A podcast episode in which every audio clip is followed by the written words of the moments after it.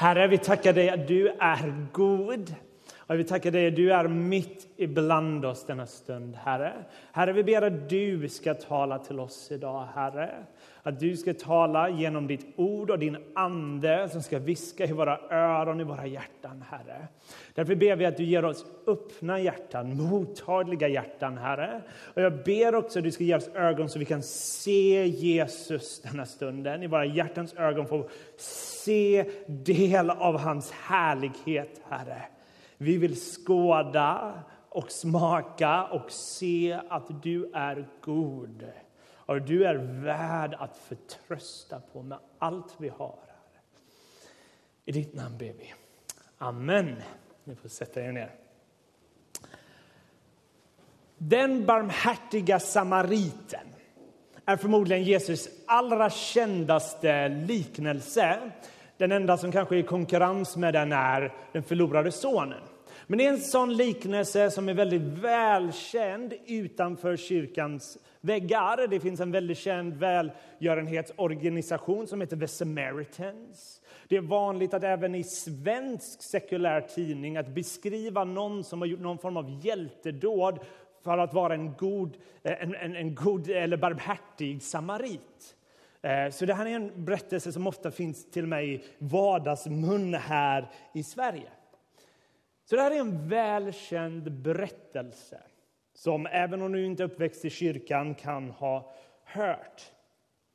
Men det är även en berättelse som faktiskt ofta tagits ur sitt sammanhang. För ni kanske noterade att när Jakob läste texten så var det inte bara liknelsen han läste utan en märklig dialog som Jesus har med en laglärd man. Och jag vill bara säga direkt till er som läser er bibel att varje gång ni kommer till en liknelse så är det fundamentalt att läsa vad som händer innan och efter liknelsen. För det är ofta avgörande på vad Jesus huvudpoäng är här. Och det här är en liknelse som jag tror vi ofta plockat ur den här dialogen till att det enda vi lär oss är att om vi ser en människa som ligger i ett dike ska vi hjälpa den personen. Och det är självklart en jättebra grej. Jesus säger gå och gör samma sak. Men Jesus vill komma åt någonting mycket mer.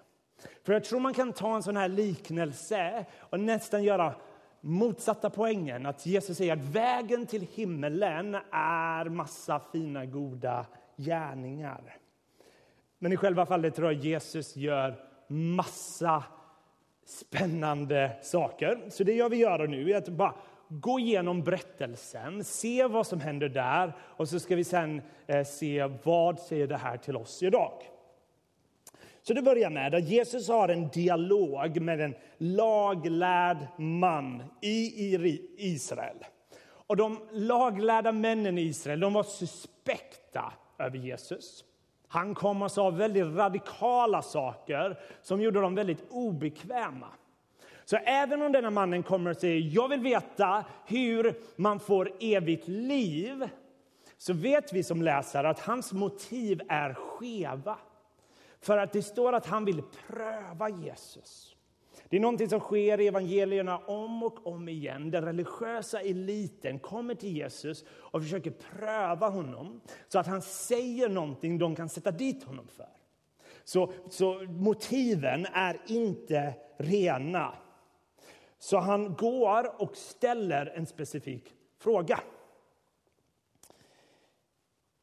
Mästare, vad ska jag göra för att få evigt liv?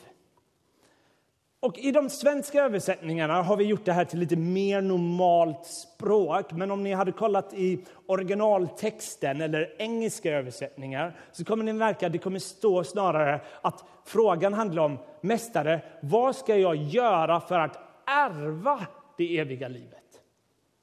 Är inte det en konstig fråga? Göra och ärva? Jo, födas i rätt familj.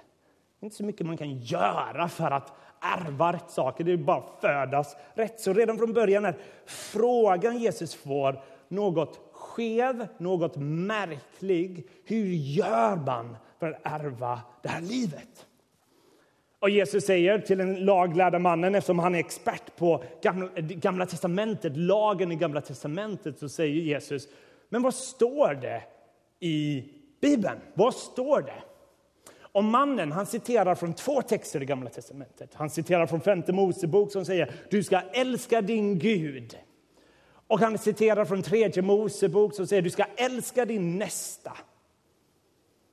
Faktum är, de här två texterna som den här mannen citerar är texter som Jesus själv brukar citera. Det finns nämligen en annan händelse när en annan skriftlärd man kom till Jesus och frågade en annan fråga som var vad är det viktigaste budet i hela Bibeln? Och då svarade Jesus så här, jag tror det kommer på skärmarna, i Matteus evangeliet. Du ska älska Herren din Gud av hela ditt hjärta, av hela din själ och av hela ditt förstånd. Det är det första, största och första budet. Sedan kommer ett som liknar det. Du ska älska din nästa som dig själv. På dessa två bud hänger hela lagen och profeterna. Så Jesus säger själv att dessa två bud sammanfattar hela Bibelns liksom inbjudan, vad det handlar om att vara människa. Att vi är skapta till att älska denna guden. Och det där är vad hela lagen handlar om. En inbjudan att älska Gud. Och när vi älskar Gud så kommer vi alltid älska människor. Men om vi vänder på det så betyder det att detta bud, att älska Gud, är alltid det bud vi bryter när vi bryter något annat bud i Bibeln. Om vi hade älskat Gud ständigt perfekt hade vi aldrig syndat.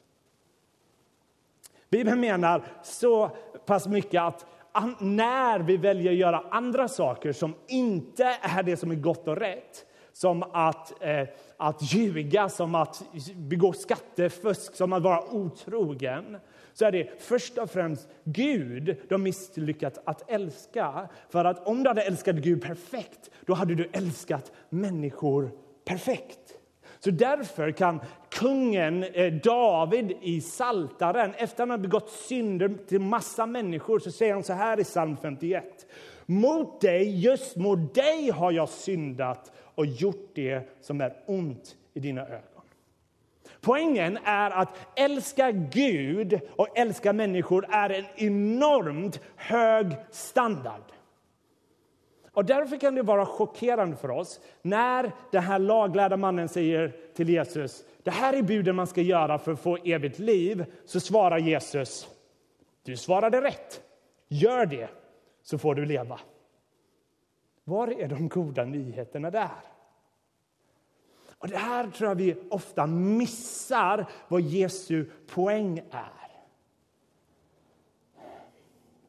För det är som att Jesus svarar redan på den skeva frågan. Vad ska jag göra för att ärva det eviga livet? Och det är som att Jesus säger, visst, alla som når upp till en sådan standard behöver inte nåd. Lycka till, kör på. Du har fattat grejen. Älska perfekt. Om vi vinner frälsning genom göra, då är det här vägen du ska gå. Om du gör detta är du safe. Om man ser i texten att den skriftlärda fattar att han är i problem.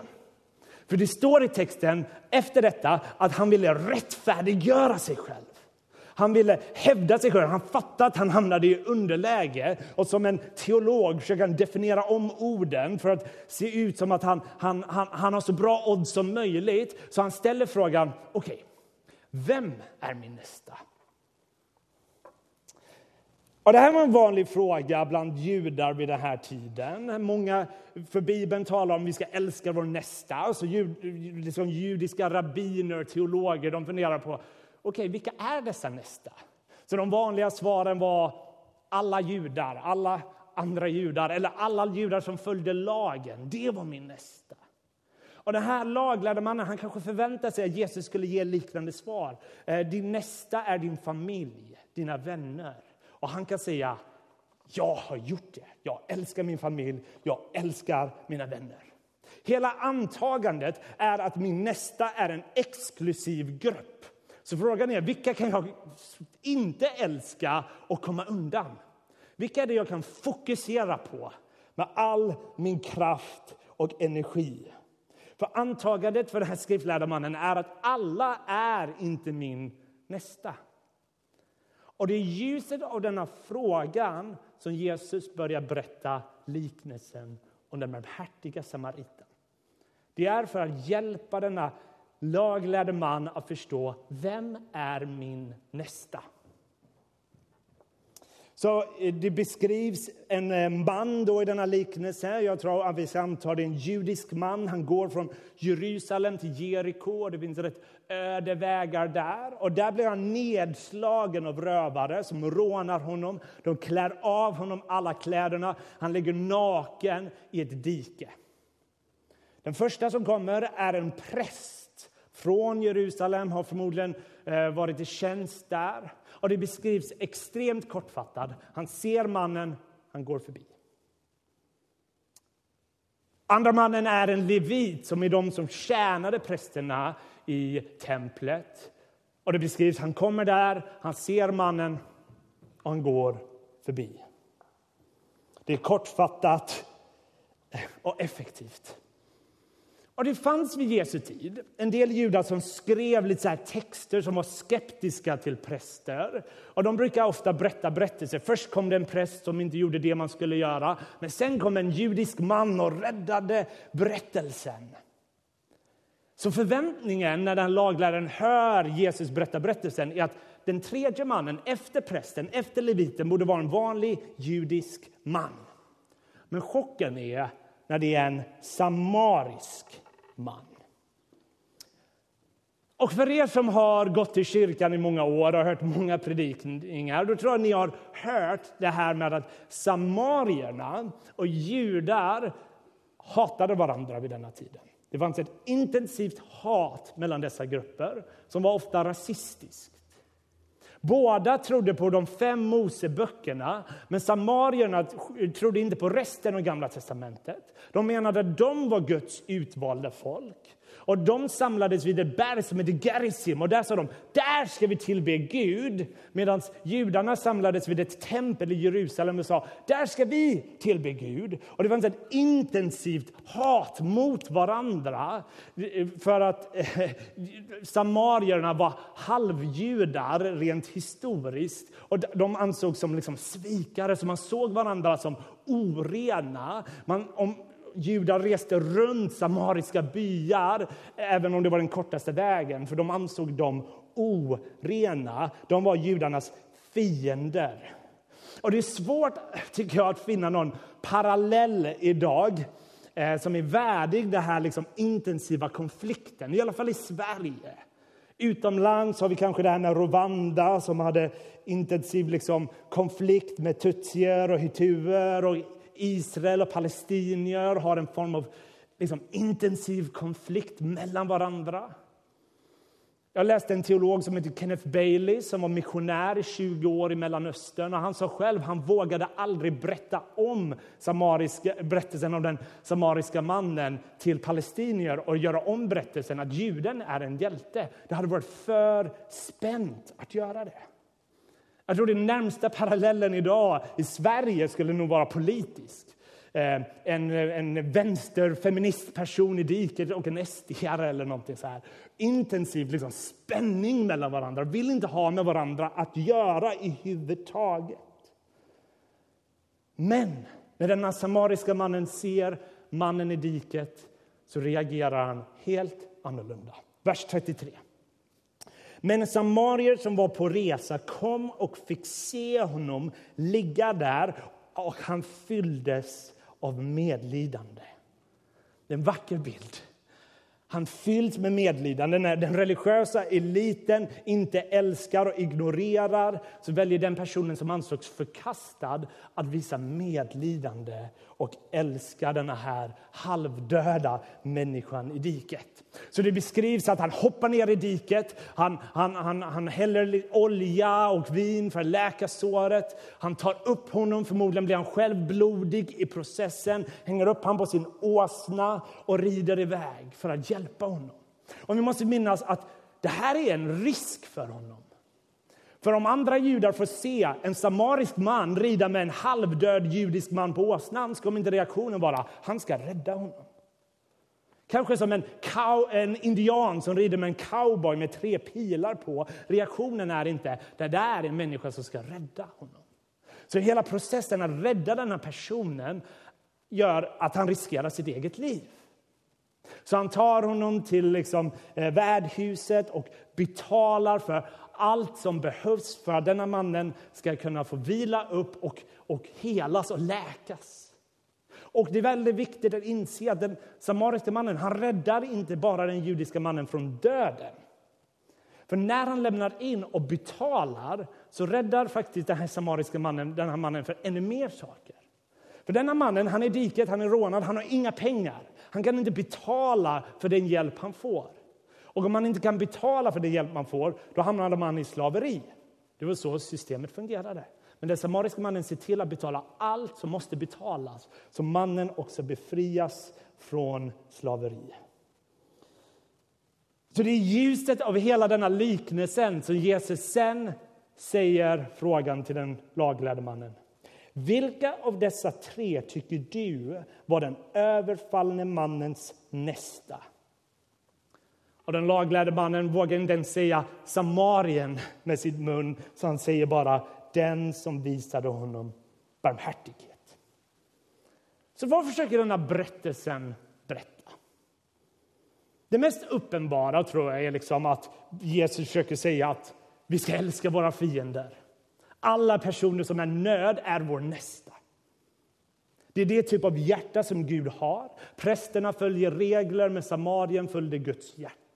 Om och om igen säger Gud att han, han behagar barmhärtighet över regler. Men jag tror det finns vissa grejer som man ibland missar i texten som jag vill bara i slutet av predikan bara nämna två korta punkter som jag tror den här texten försöker kalla oss till. Först är att jag tror det här är en text som utmanar stolthet. För något av det mest briljanta Jesus gör i den här berättelsen är att han har vänt Samariens fråga. Märkte ni det? Första frågan han frågar vem är min nästa? Men frågan Jesus ställer sen, vem var mannen i dikets nästa? Vad han gör här är att han har vänt fokuset. För man hade kanske hade förväntat sig att Jesus berättade en berättelse där den samariska mannen är i diket och en jude kommer och räddar och man inser att ah, till och med min fiende är min nästa. Men om berättelsen hade handlat om en samarisk man i diket då hade fortfarande levt kvar det här men den här judiska mannen han är lite överlägsen. Han är så nådefull, han går ner på den här nivån och hjälper honom i diket. Det hade inte alls gett samma effekt. Och Den laglärde mannen hade kunnat förkasta kanske berättelsen mycket lättare. och säga men Jesus, det här är tramsigt, det är en samarisk man. Jag hade inte hjälpt honom. Men Jesus är så briljant i hur han berättar detta så han tvingar den laglärde mannen att utgå från positionen i diket snarare än hjälten. Den laglärde mannen är den som ligger halvdöd. Och då hade till och med han velat ha hjälp från en samarier. Så han tvingas att ställa sig frågan vem är din näste? Jo, min fiende Samarien. Och Jesus säger yes, älska på samma sätt. Det är hela principen. Älska din näste som dig själv. Det är så du själv vill bli behandlad. Så Jesus till och med utmanar vem är du villig att ta emot hjälp ifrån. För där kan vara en större stolthetsgrej än att faktiskt hjälpa någon, är att ta emot hjälp. Vem vågar jag ta emot ministry ifrån? Finns det folk vi bara säger nej? Det, det, det är för mycket stolthet där. För jag tror att när vi människor inte kan fråga om hjälp så är det faktiskt ett tecken på stolthet som jag tror evangeliet vill utmana.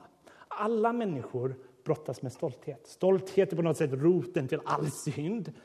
Men evangeliet kallar oss mer och mer att släppa taget av stolthet. För vi inser att vi kan inte rädda oss själva. Någon utifrån måste gripa in. Och så måste våra liv fungera. Något som frustrerar pastorer är att veta att personer i deras församlingar har brottats med kaos i deras liv men de har vägrat berätta om det. Och man bara, varför berättar du inte? Varför delar du inte med vad du brottas med? Och man kanske ger motivationer, man inte vill störa, man klarar sig själv, man vill inte tro att folk eh, tror att man ber om hjälp. Men när vi tänker så, så tror jag det egentligen roten i någon form av stolthet som jag tror Jesus vill utmana. Och att vi kallas... Du låter inte heller kyrkan vara kyrka. För kyrkan är tänkt att vara en familj som bär dina bördor. Du är inte kallad att bära dem själv. Du är kallad till en gemenskap där vi bär varandras bördor. Där vi, är, där vi kan komma till varandra i, i position av hjälp. Vi behöver hjälp, vi behöver varandra. Och Kristus har gjort kyrkan så där, det, där vi är nödvändiga för varandra. Det här solokristendomen funkar inte. Kristus bjuder in oss att vara kroppen. Han bjuder in oss att tillåta kroppen vara kroppen och utmana det som säger stopp inom oss, där vi vill hålla det för oss själva. Men den sista punkten jag vill säga eh, är att Jesus är den ultimata barmhärtiga samariten. Och jag vill direkt kvalificera vad jag menar. Poängen är inte att när Jesus berättar liknelsen så är samariten en kod för Jesus. Det är inte det jag menar. Han berättar liknelsen för just poängen vi talade om innan. Men när man läser hela Lukas evangeliet så tror jag man slås av vissa saker. För denna liknelse sker i Lukas kapitel 10. Och kapitlet innan sker den viktigaste vändpunkten i hela evangeliet. Det står så här i kapitel 9. När tiden var inne för hans upptagande, tal om Jesus då, till himlen vände han sina steg mot Jerusalem. Den versen är faktiskt jätteviktig, även om man lätt läser förbi den. För det den försöker säga att nu är Jesus på väg till Jerusalem för att dö och uppstå. Det är fortfarande flera kapitel innan Jesus faktiskt kommer dö. Men den försöker signalera till läsaren Jesus fokus är på väg mot korset. Det är hans öde. Han är på väg dit. Han rider dit. Och Det tror jag tvingar läsaren att läsa allt som sker i ljuset av att han är på väg till korset. Om och om igen berättar det här evangelium att vi inte kan rädda oss själva. Utan Gud själv är vårt enda hopp. Att vi ska göra saker för att ärva, ärva det eviga livet är fel kategori. Gud själv måste gripa in. Och Då tror jag det är enkelt att se att Gud Kristus är den ultimata barmhärtiga samariten och vi är inte bara de halvdöda, vi är de som är döda i diket. Bibeln förklarar att innan vi känner Gud är det som att vi är döda i våra synder. Och vad än vi gör kommer inte kunna rädda oss. Vi behöver någon utifrån som räddar oss. Våra gärningar kommer inte göra oss mindre döda, utan någon utanför måste gå ner i diket, bli blodig, ta upp oss och bära oss hem. Som kan betala så vi räddas både från döden och från slaveriet. Och det är det Lukas evangeliet säger, det är vår Jesus Kristus. Och om och om igen, så när Jesus ser folk som är sjuka, folk som är förtryckta, folk som mår dåligt, så står det om och om igen att han fylls med medlidande, precis som den barmhärtiga samariten. Han fylls med medlidande och han gör underverk, han gör mirakel, han kommer med ett nytt rike, ett nytt liv in i människors liv. Han är vårt enda hopp. Han är den vi bjuds in till att, att fästa våra ögon på.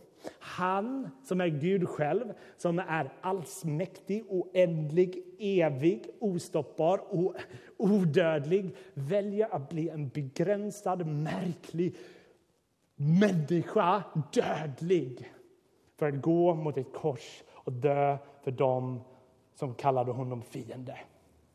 I Romarbrevet 5 står det så här. För när tiden var inne, medan vi ännu var maktlösa dog Kristus i det ogudaktiga ställe. Knappast vill någon dö ens för en eh, rättfärdig. Jo, kanske vågar någon dö för den som är god. Men Gud bevisar sin kärlek till oss genom att Kristus dog för oss medan vi ännu var syndare. Så hur, vad gör vi för att ärva detta eviga livet? Vi kan inte göra de här grejerna, men vi bjuds in att istället att bekänna denna Jesus, inte bara som vän, men som vår Herre och Frälsare. Innan vi väljer att följa honom så måste vi ta emot honom. Reformatören Martin Luther uttryckte det så här. Kärnan och grunden för evangeliet är att innan du tar till dig Kristus som en förebild så tar du emot honom som en gåva. Som en gåva som Gud har gett dig och som tillhör dig. Och det är sant.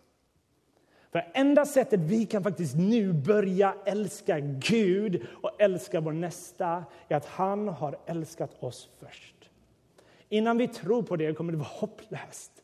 Men vi bjuds in att ta del av dessa goda nyheter. Och om vi tror att vi inte är värdiga denna Jesus, om vi känner att ja, jag har hört det här med förlåtelse och nåd, men ändå, det känns inte som att jag passar in, att jag är en av er. Liksom. Ehm, på ett sätt vill jag säga, att du är säkert värre än vad du tror. Men Jesus kom inte dö för de som nästan klarade. Han dog för de som är fördömda och förlorade och trasiga. Och han har bjudit in mig till honom och dig. Och snart ska vi få konkret påminnas om detta när vi öppnar våra händer och tar emot Kristus i nattvarden på ett konkret symboliskt sätt. Han är en gåva. Vi kan inte köpa och sälja det här nattvardet. Vi kan bara på samma villkor komma tomhänta som tjänare som säger ge oss av ditt bröd. Låt oss be. Herre, vi tackar dig att du är god. Herre, jag ber för mina bröder och systrar här som kanske inte har känt din kärlek på länge, Herre. Herre, jag ber att du ska omfamna dem denna stunden, Herre, och att du ska tala liv in i deras hjärtan. Tala in liv i mitt hjärta, i alla i detta rummets hjärtan, Herre. Herre, vi ber att om vi har stolthet som behöver krossas, Herre, gör det, Herre. För det är alltid nåd när du gör detta, Herre.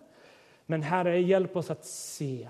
Hjälp oss att se att du älskar och hjälp oss då se människor som är i behov, Herre. Hjälp oss se dem som ligger i diken eller på andra sätt är i behov och hjälp oss att stå i tjänst till dig. Men Herre, Kom med din härlighet. Låt oss få smaka och se att du är god. I Jesu namn. Amen.